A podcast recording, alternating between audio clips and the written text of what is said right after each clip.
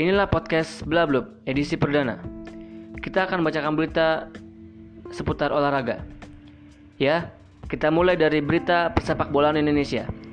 Timnas Indonesia yang makin percaya diri melawan Uni Emirat Arab pada babak kualifikasi Piala Dunia 2022 di Stadion Al Maktoum, Dubai pada Kamis tanggal 10 Oktober.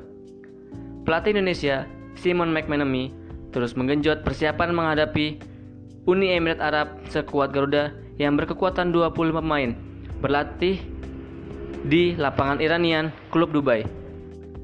Sedih pengulangan tentang apa yang kami lakukan dalam setiap latihan beberapa hari terakhir.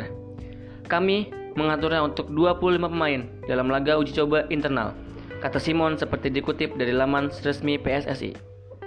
Saya melihat mereka belajar dari kesalahan dan bagaimana mengambil keputusan tepat. Sesi latihan yang sangat positif, pemain terlihat percaya diri, dan kami menantikan laga nanti. Tambah pelatih asal Skotlandia tersebut. Andri Tani Ardiasa dan kawan-kawan sengaja datang lebih awal pada tanggal 3 Oktober ke Dubai untuk beradaptasi dengan cuaca setempat. Skuad Garuda berharap bisa meraih hasil maksimal melawan Uni Emirat Arab setelah menelan dua kekalahan di laga kandang. Sebelumnya, Indonesia kalah dari Malaysia 2-3 dan Thailand 0-3 di Stadion Utama Gelora Bung Karno, Jakarta.